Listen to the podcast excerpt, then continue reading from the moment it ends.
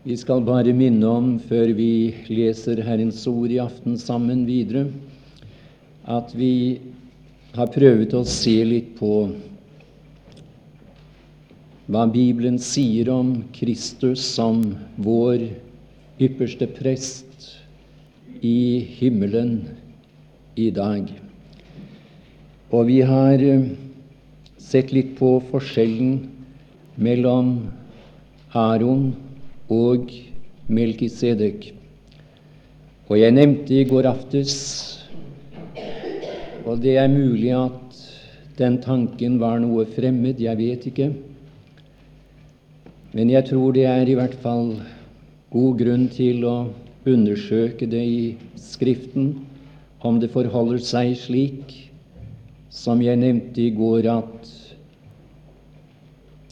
Melkisedek var uten far og mor av prestelig ett.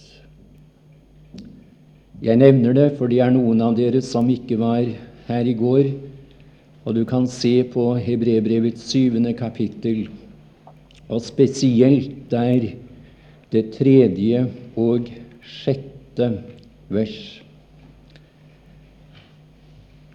Han hadde naturligvis foreldre, denne personen. Som menneske hadde han far og mor, hadde han dagers begynnelse og livs ende. Men det var som prest, i motsetning til Aron, han ikke hadde prestelig far og mor. Ingen innvielse ingen avslutning, slik som Aron.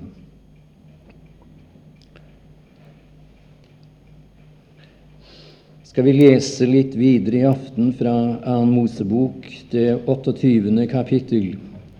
Altså 2. Mosebok, kapittel 28. Og det blir et uh, langt stykke her å lese. Men jeg vet at her på Berua, her kommer dere for å høre Herrens ord. Og det burde vi alltid gjøre når vi kommer til et møte. Vi burde innstille oss på å høre Herrens ord. Vi leser fra vers 1 i Jesu navn. Så skal du kalle din bror Aron ut av Israels barns mengde, og la ham trede frem til deg, både han og hans sønner, og sette dem til prester for meg, Aron og Nadab og Abihu og Eliasar og Itamar, Arons sønner. Og du skal gjøre hellige klær for Aron, din bror, til ære og til pryd. Og du skal tale til alle kunstforstandige menn, alle som har, som har fylt alle som jeg har fylt med kunstnerånd, og de skal gjøre de klær som Aron skal bære, for at han kan helliges til å tjene meg som prest. Dette er de klær som de skal gjøre, en brystduk og en livkjortel og en overkjortel og en ternet underkjortel, en hue og et belte. Hellige klær skal de gjøre til Aron din bror og hans sønner, så han kan tjene meg som prest. De skal ta gullet og den blå og den purpurrøde og den karmosinrøde ull og det fine lingarn og de skal gjøre livkjortelen av gull, blå, purpurrød og karmosinrød ull og fint vunnet lingarn i kunstvevning. Den skal ha to skulderstykker som kan festes til hverandre, ett i hver ende. Det skal være til å hekte den sammen med. Og beltet som skal sitte på den og holde den sammen, skal være av samme slags vevning, og i ett stykke med den av gull og blå og purpurrød og karmosinrød ull, og fint tvunnet lingarn. Og du skal ta to onyksstener, og på dem skal du inngrave navnene på Israels barn. Seks navn på den ene sten, og de andre seks navn på den andre sten, efter alderen. Som en arbeider i sten og skjærer ut et signet, således skal du la navnene på Israels barn skjære ut på begge stenene. Du skal sette dem inn i flettverk av gull, og du skal sette begge stenene på livkjortelens skulderstykker, for at de skal minne om Israels barn. Og når Aron står for Herrens åsyn, skal han bære deres navn på begge sine skuldrer for å minne om dem. Så skal du gjøre flettverk av gull og to kjeder av rent gull. De skal være slynget således som de slynger snorer. Disse slyngede kjeder skal du feste til flettverkene. Så skal du gjøre en domsbrystduk i kunstvevning, i samme slags vevning som livkjortelen av gull og blå, purpurrød og karmosinrød ull, og fint vunnet lingarn skal du gjøre den. Den skal være firkantet og dobbelt lagt, ett spann langt og ett spann bred. Og du skal sette på den fire rader med innfattede stener. I en rad skal det være en karneol, en topas og en smaragd. Det er den første rad. I den andre rad skal det være en karfunkel, en safir og en diamant. Og i den tredje rad en hyasint, en agat og en ametyst. Og i den fjerde rad en krysolitt og en onyx og en jaspis. De skal være innfattet i flettverk av gull. Stenene skal være tolv i tallet, efter navnene på Israels sønner, én for hvert navn. På hver sten skal navnet på, et, på en av de tolv stammer være innskåret, likesom på et signet.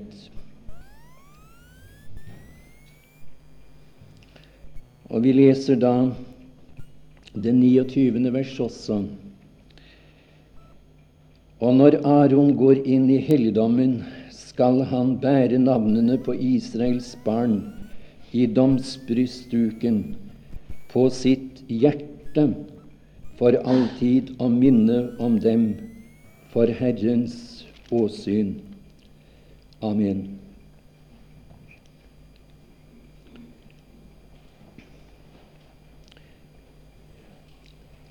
Det 28. kapittel i 2. Mosebok det omhandler ypperste pressens klær.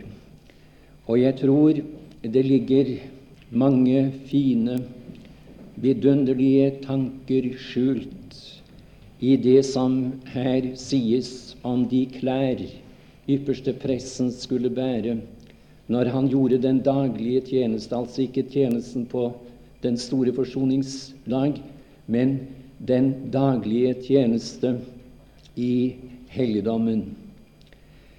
Ja, jeg er overbevist om, og det er jeg blitt mer og mer etter hvert som jeg har lest om tabernakeltjenesten, prestetjenesten i den gamle pakts tid, at hver enkelt ting som her er omtalt, er bilde eller bilder på det som vi har fått del i i dag. Og jeg tror at vi skal betrakte disse bilder, disse illustrasjoner. Vi skal fordype oss i det, for det vil sikkert gjøre det klarere for oss når vi leser i Det nye testamentet om disse store ting som Herren har gitt oss menighetens troende. Når det gjelder Arons klær, så legger vi merke til i det annet vers at det står Og du skal gjøre hellige klær for Aron din bror. Og jeg synes det er så fint det som her sies, til ære og til pryd. Du skal gjøre klær, hellige klær, til ære og til pryd. Og jeg, jeg ser i disse klær eh, de forskjellige sider ved Kristi herlighet og storhet. Og Nå kan vi jo ikke betrakte dette i sin helhet, men jeg vil bare peke på et par av eh, disse kjortler, eller disse plagg, som ypperstepresten bar da han gjorde tjeneste der inne i det hellige, i tabernaklet. Og det første som vi da leser om her, det er livkjortelen. Livkjortelen. Den eh, ble båret utenpå overkjørtelen, eh, sier eh, dette kapitlet. Altså utenpå overkjørtelen, der bar han noe som heter livkjørtelen. Og denne livkjørtel, den hadde to skulderstykker. Og på hver av disse skulderstykker der var det festet to onyksstener.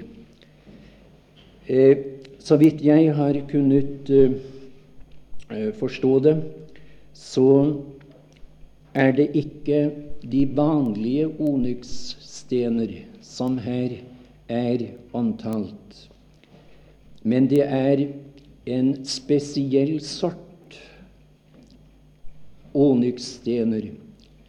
En, en meget verdifull sort onyksstener, kostbare stener, som her er benyttet som her er festet til yppersteprestens livkjortel, altså til skulderstykkene.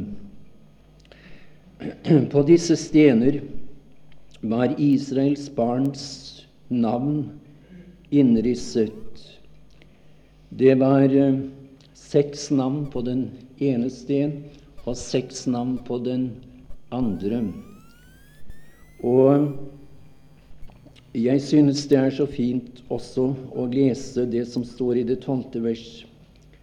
Og du skal sette begge stenene på livkjortelens skulderstykker, for at de skal minne om Israels barn. Og når Aron står for Herrens åsyn, skal han bære deres navn på begge sine skuldrer for å minne om dem. Og jeg har satt en tydelig strek under de ordene på begge sine skuldrer. Skulder står for styrke, kraft i Bibelen. Og det, det er slik også i det daglige liv at vi forbinder skuldrene med, med styrke, ikke sant? Vel, du skal, han skal bære dem på begge sine skuldrer.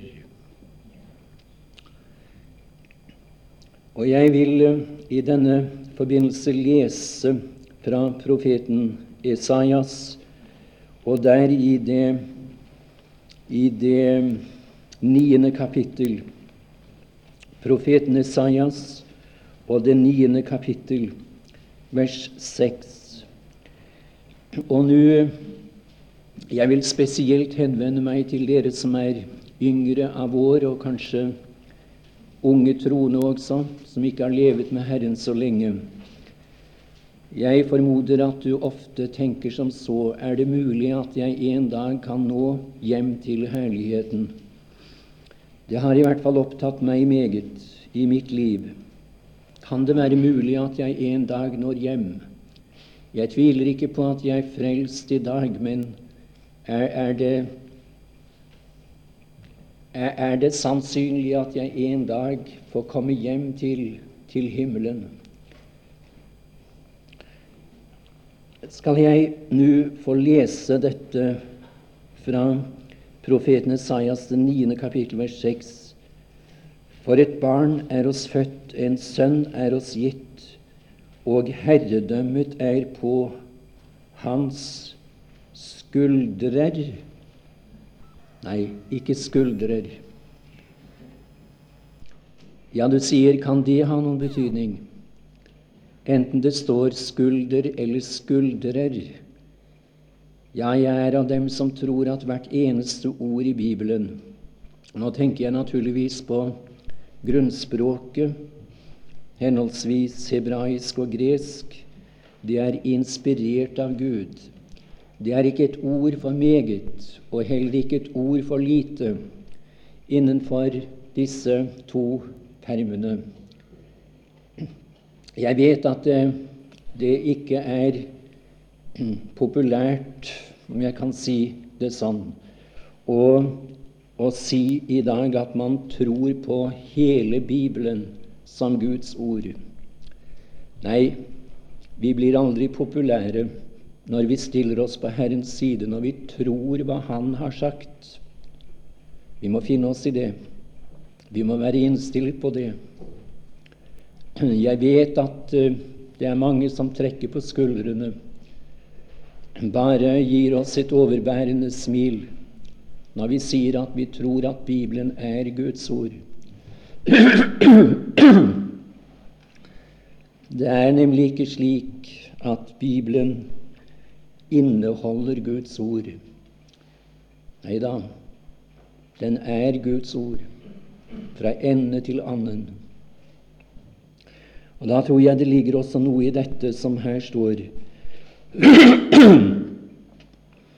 For et barn er oss født, en sønn er oss gitt, og herredømmet er på hans skulder. Entall. Skulder. Ja, Kristus bærer hele herredømmet, eller har herredømmet, hvilende på én skulder.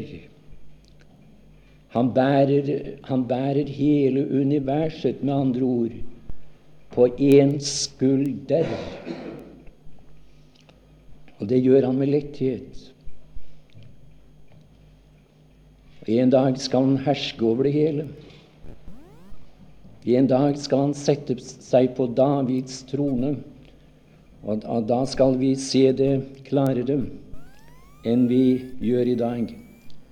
Han bærer hele universet på én skulder. Jeg vil be deg spandere en strek, hvis du merker din bibel, eh, under dette enkle ordet 'skulder'. Og så må jeg få ta deg med til, til femte Mosebok. Det gjorde meg usigelig godt i dag da jeg leste det på nytt femte Mosebok i det, i det 33. kapittel og 12. vers. Om Benjamin sa han, Herrens elskede er han, trygt bor han hos ham. Hele dagen holder han sin hånd over ham. Han hviler mellom hans skuldrer ikke på hans skulder eller, eller noe i den retning, men, men han hviler mellom hans skuldrer. Det er flertallsformen her. Det er sørgelig at i den nye oversettelse, så vidt jeg vet, så, så har de byttet ut ordet 'skuldrer' her. Det forringes etter hvert når det gjelder oversettelsene. Jeg tror de burde la det stå som vi har det i denne oversettelse. Han hviler mellom hans skuldrer. Ja, når det gjelder Benjamin den elskede, så, så stiller Herren begge sine skuldrer til rådighet for ham. Han blir båret på Herrens skuldrer. Det er fint, det. Det er der du er plassert, min venn. Enten du er en ung troende, eller det er noen av oss som har levet med Herren i mange år. Vi er der på Hans skuldrer. Og Vi skal lese videre fra Lukas evangelium, det 15. kapittel. Lukas evangelium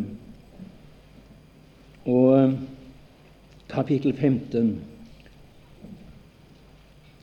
Det gjelder fåret som den Herre Jesus finner, det vil si som hyrden finner. Og hyrden er jo her et bilde på ham, vår dyrebare frelser. Og det står i det femte vers når han har funnet det, legger han det på sine skuldrer ikke på sin skulder, men på sine skuldrer.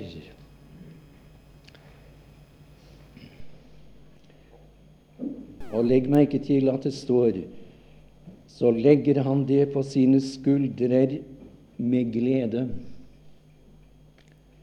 Det er ikke noen umak for ham.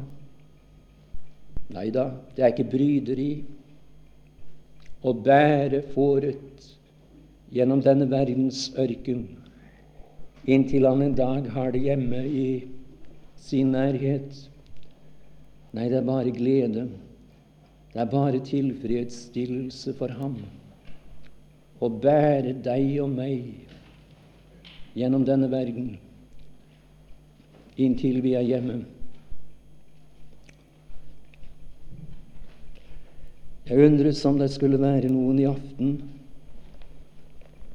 som jeg har gitt uttrykk for før, så er det min bønn at jeg må få lov å være med og lede noen til den Herre Jesus før min, før min vandring, før min reise er slutt, før jeg er hjemme. At jeg må få lov å være med og redde noen flere for ham.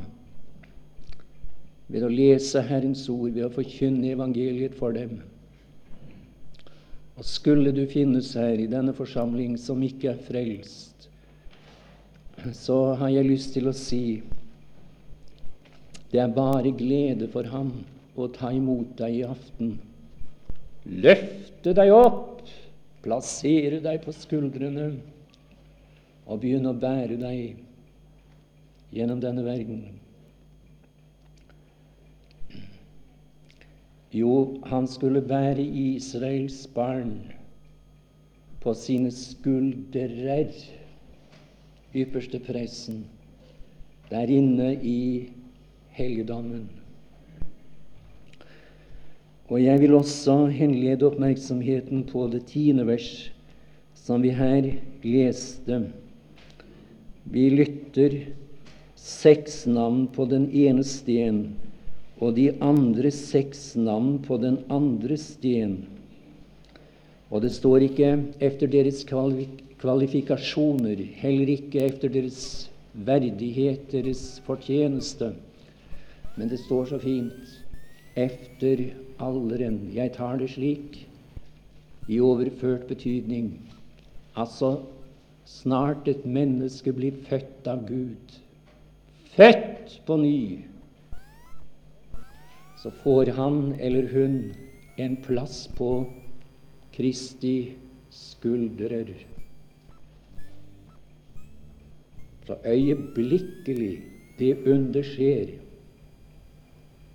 at du blir født av Ham, født av Gud, får en ny natur, lemmes inn i Guds familie, så blir du plassert på Hans skuldrer med glede. Bare tilfredsstillelse for ham. Ta med deg den tanken. Han blir aldri skuffet over deg, blir aldri trett av deg. Tvert imot. Det er glede hele veien. Og En dag skal han tilfredsstilles fullt ut når han har sine der hjemme. Føler du på svakhet, ta til deg denne hilsen fra ham i aften. Det kan være noen som spesielt trenger det her.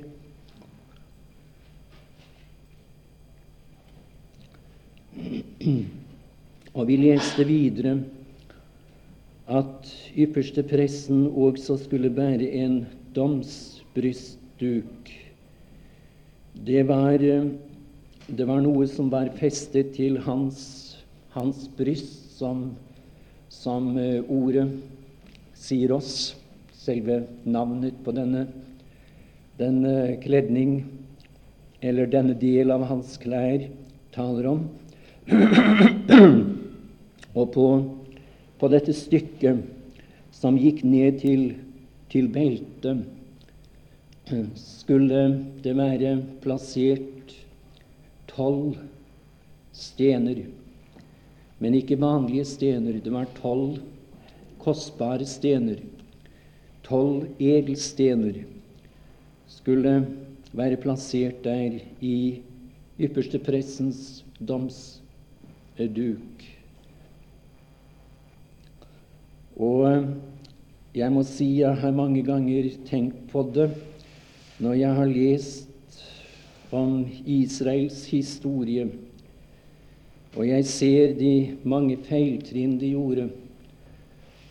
Og jeg, eh, jeg ser alle disse ufullkommenheter ved dette folk.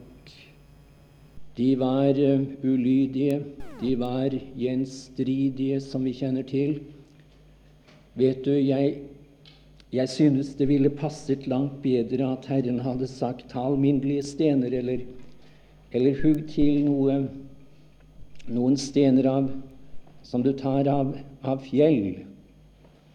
Gråsten passer bedre på disse, synes jeg, da når jeg ser slik på dem i det, i det ytre, ser på deres historie.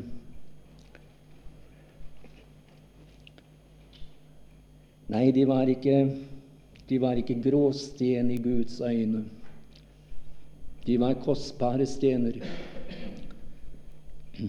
På, hvert, på hver av disse stener skulle et av Israels barns navn være innrisset gravert inn.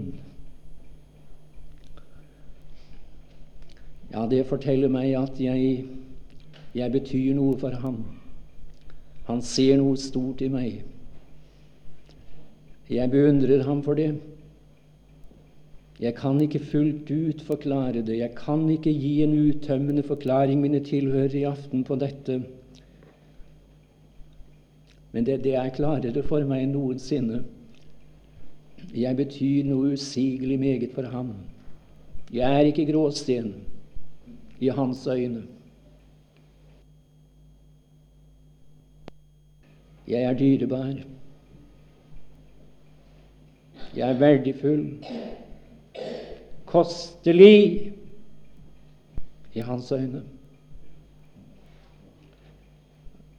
Og vi skal lese litt igjen og vi tar med et vers fra, fra Isaias 43. Uh, I det 43. kapittelet hos Esaias, og der i det fjerde vers Dette er riktignok sagt om, om uh, jødene, om Israel, men det er like fullt et budskap til deg og meg, det vi her leser. Herren sier, fordi du er dyrebar i mine øyne, fordi du er aktet høyt, og jeg elsker deg. Du er dyrebar i mine øyne, du er aktet høyt, jeg elsker deg. En venn av meg nede i Danmark han, han arbeidet sammen med en verslig mann. De var unge den gangen, begge to. Min venn var troende, den andre ikke. De bodde sammen, bodde på samme værelse en tid. Og min venn, han hadde, han hadde innrammet en del av dette skriftstedet. Han hadde fått en fin ramme de, rundt disse ordene. Du er dyrebar i mine øyne. Og det gjorde ham godt alltid å lese dette og tenke på hva Herren så i ham at han aktet ham så høyt. Men så var det en dag han kom hjem. Så viste det seg at hans kamerat hadde, hadde vendt dette bildet, snudd om, og på baksiden, som da kom frem, der hadde han skrevet Du er ikke mye verd. Du er ikke mye verd.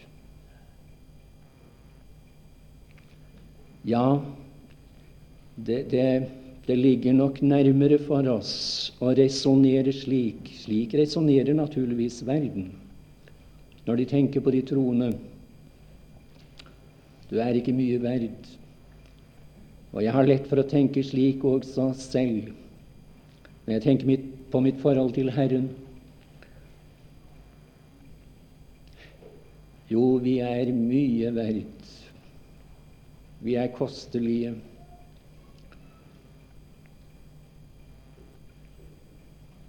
Og eh, mine tanker går til uh, Matteus evangelium, det 13. kapittel og 45. 46. vers, der hvor det heter om den Herre Jesus at han søkte Han er omtalt her som en kjøpmann. Han søkte, han søkte etter gode perler.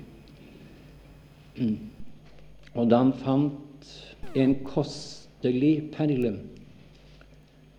Da gikk han bort og solgte de han eide, og kjøpte den, en kostelig perle. Han kjøpte den. Det er menigheten, det. Det er de frelste som en samlet helhet og enhet, det. De troende fra denne tids husholdning, fra pinsefestens dag og inntil den Herre Jesus kommer og rykker sin menighet, forsamling, opp, forvandler dem, tar dem hjem til seg. Det er den dyrebare, kostelige perle som han fant da han var nede på dypet.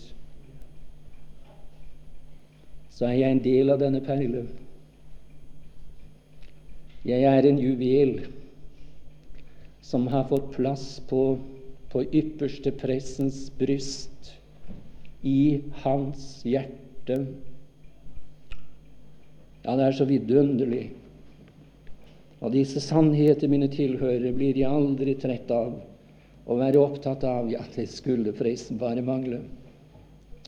Nei, det blir, det blir større og større etter hvert, og jeg får se dypere og dypere inn i det etter hvert som, som tiden går. Du er dyrebar, du er kostelig.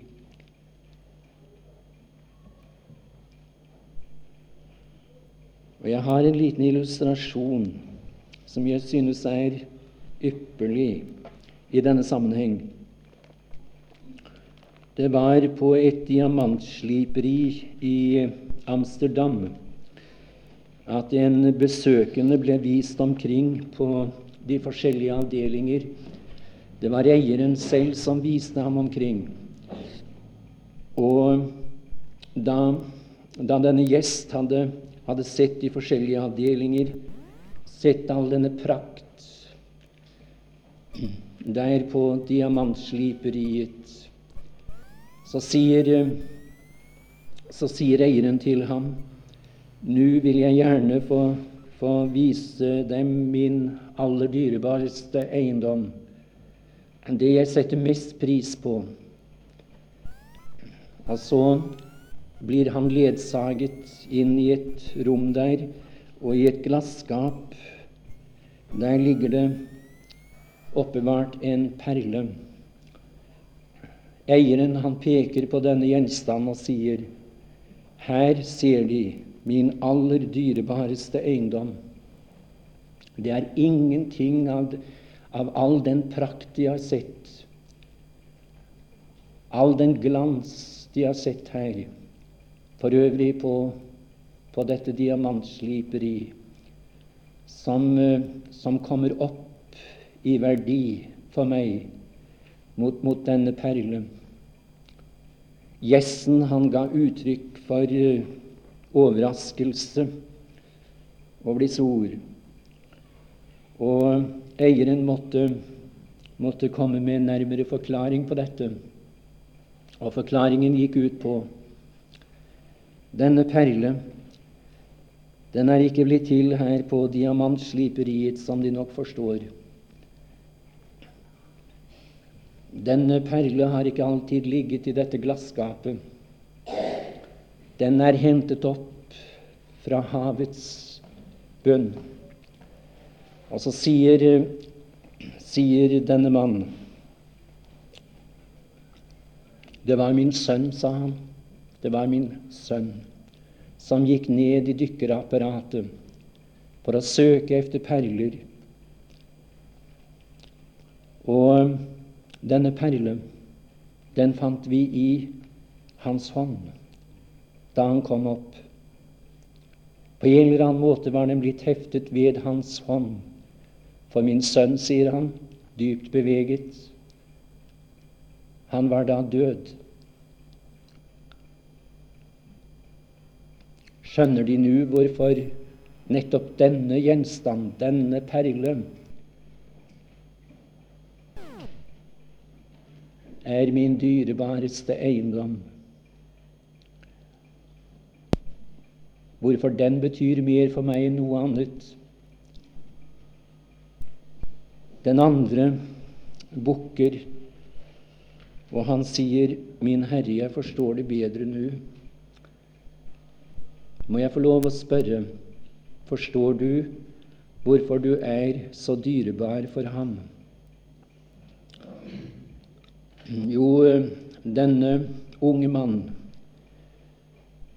som søkte efter perler, og som var kommet ned på dypet. Han kom opp igjen død. Hva var det som skjedde? Det tragiske skjedde at lufttilførselen i dykkerapparatet opphørte. Ja, det var det som skjedde. Det var det som skjedde for eh, snart 2000 år siden, mine tilhørere dykkerapparatet. Han var langt der nede. Han var så dypt som ingen vet. Og vi talte litt om det i går aftes. Det var i de tre mørke timer. Jeg finner ikke et ord i Testamentet som sier at Kristus bar mine synder gjennom hele sitt liv. Jeg finner ikke et ord i Testamentet som sier at Kristus bar mine synder fra dåpen ved Jordan, i, i, i Jordan. Men jeg finner at det står det ble mørkt i de tre siste timer på Golgata kors. Mørkt. Han hadde samfunn, forbindelse, hele tiden med Faderen under sitt liv. Også i de tre første timer men der ble han syndoffer, sier Bibelen. Syndoffer. Og derfor ble det mørkt. Hør godt, folk, lufttilførselen opphørte.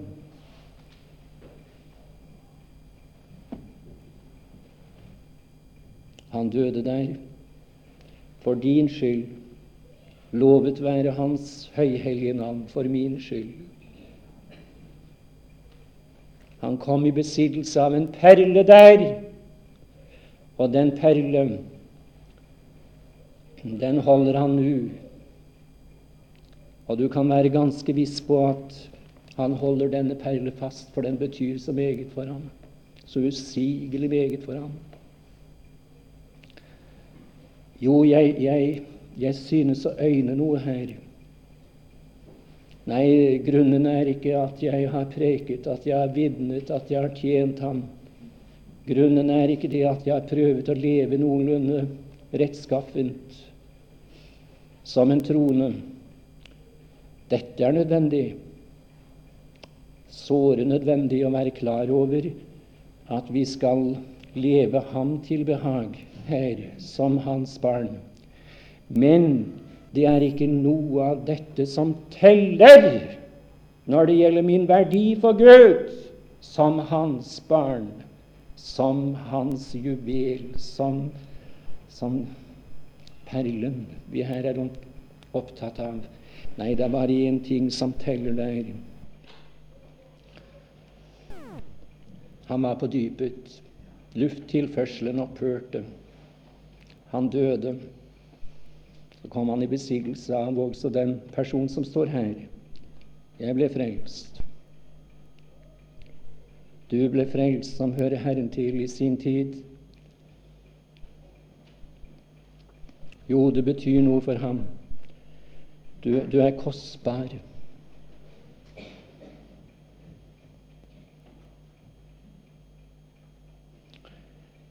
Vi skal tale med ham om dette når vi kommer hjem, på bedre måte, langt bedre måte enn vi kan gjøre i aften. Men, men vi skal glede oss over det nå. Det var hans plan, det var hans tanke. Det er derfor han har gitt oss disse ordene i Bibelen om denne sak. Vi betyr så meget for ham. Det er edelstener. Edelstener er skjønne. De er skjønne.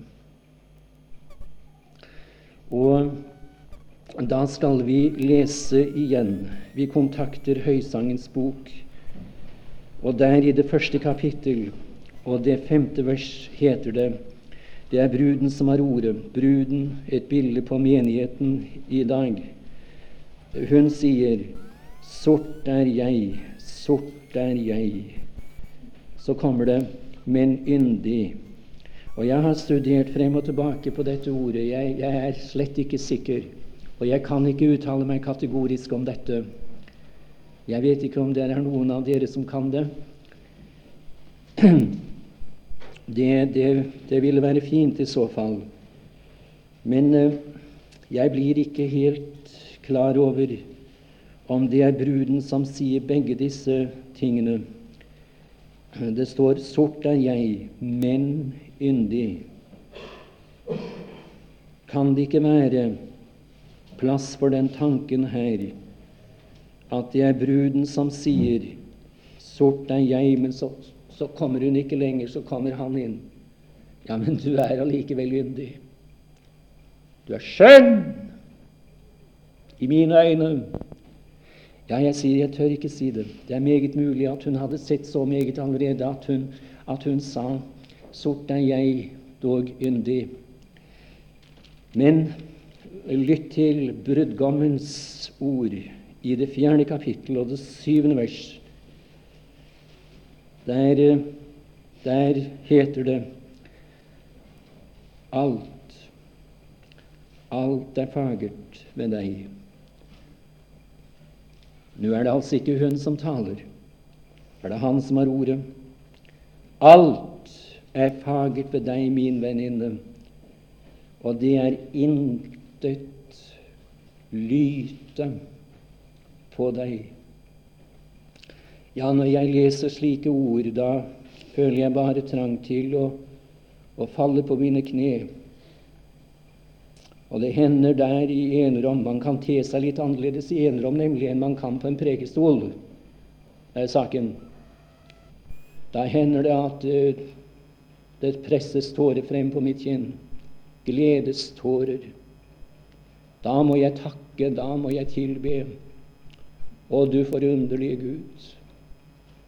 At, du, at, at, det kan være sant! Ja visst er det sant, jeg tviler jo ikke på det. Men jeg holdt på å skulle si det er nesten for godt til å være sant. Alt er fagert ved deg. Det er ikke noe lyte på deg. Jeg er tilfreds når mine øyne er vendt mot deg. Edelstener, edelstener er skjønne.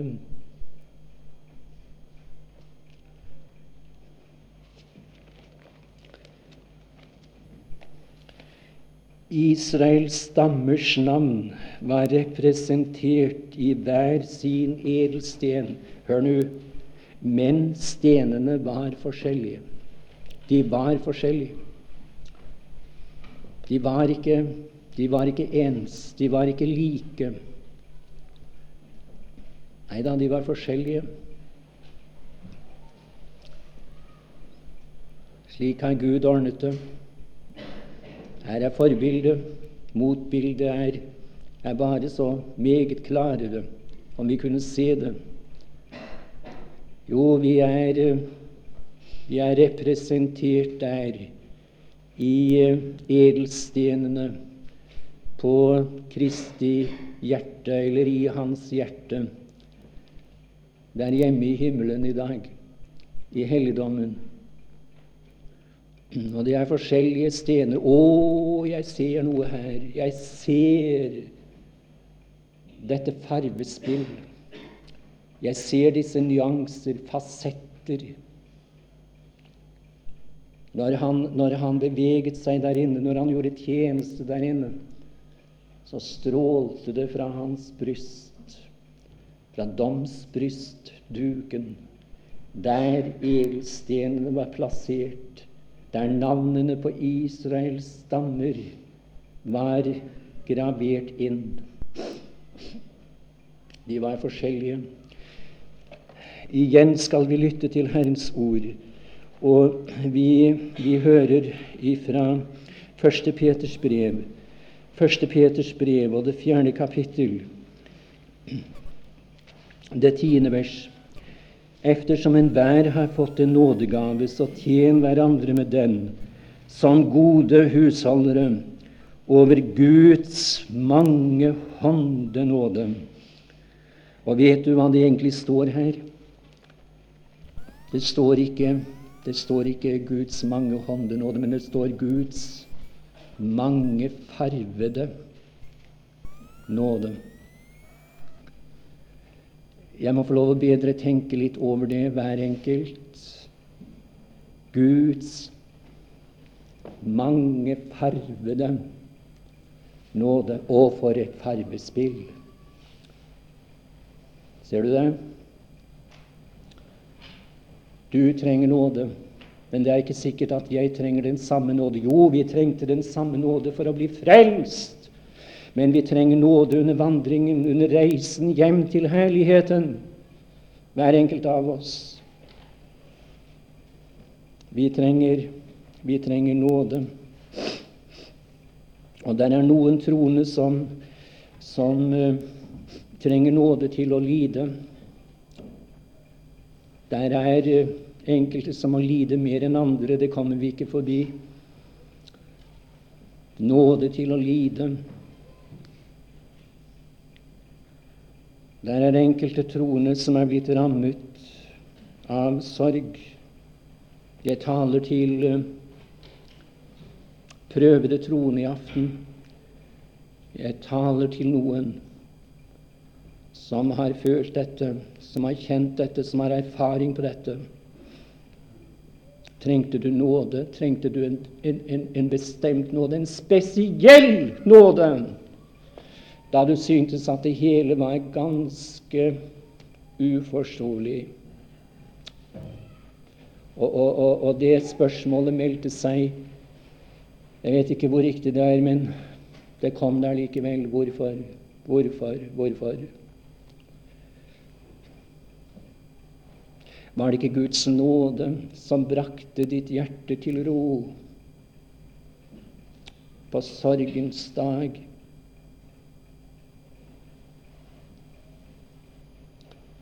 Jo, det er Guds mange hånde nåde vi taler om. Vi er representert i Ham for tronen.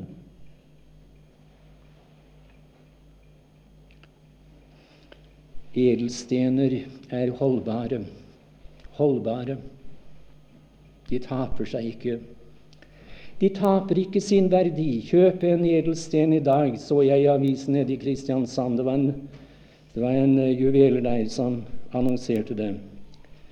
Bytt den inn om fem år. Jeg garanterer deg du skal få den samme pris da som du betaler i dag. Juveler, de forandrer seg ikke. Nei, de forandrer seg ikke. Vi er like dyrebare til alle tider, under hele reisen, under, alle, under enhver omstendighet, under alle forhold. Dyrebare for ham, kostbare for ham. Ja, vår Gud, vi vil gjerne takke deg fordi du du har forordnet det slik. Du planla, du bestemte i evigheten. Du har realisert disse planer i din elskede sønn. Jeg takker deg fordi han kom. Jeg takker deg fordi han døde. Jeg takker deg fordi han en dag møtte oss, hver enkelt som hører deg til i aften her. Ja, stanset ved min dør gjorde du. Løftet meg opp på dine skuldrer, plasserte meg i ditt hjerte. Og jeg takker deg, Herre, at som du har elsket dine, så elsker du dem inntil enden. Amen.